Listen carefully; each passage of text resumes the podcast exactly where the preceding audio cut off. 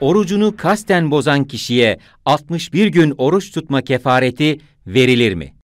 Bizim geleneğimizde yaygın olarak bu söylenir ve fetva olarak da verilir.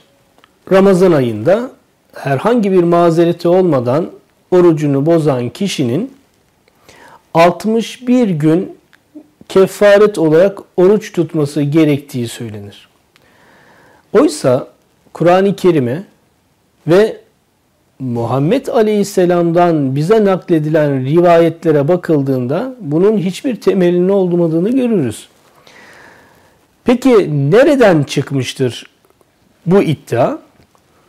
Zihar kefareti ile ilgili Kur'an-ı Kerim'de de geçen yani bir erkeğin eşine ağza alınmaması gereken bir takım sözleri söylemesi üzerine Kur'an'ın takdir ettiği 61 gün oruç tutma kefareti bir takım dolgu malzemeleri eklenerek oruç kefareti ile ilişkilendirilmiş bir nevi hadis uydurulmuş.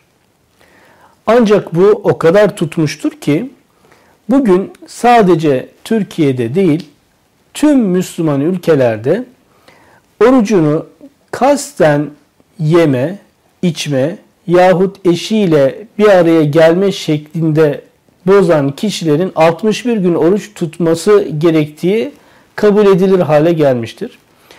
Söylediğim gibi Kur'an-ı Kerim'de bu konuyla ilgili herhangi bir ayet yok. Muhammed Aleyhisselam'dan bu konuda bize nakledilmiş bir rivayet yok. Sadece bir takım rivayetlerden dolgu malzemeleri kullanılarak oluşturulmuş e, rivayetlere dayanan asılsız bir iddiadır.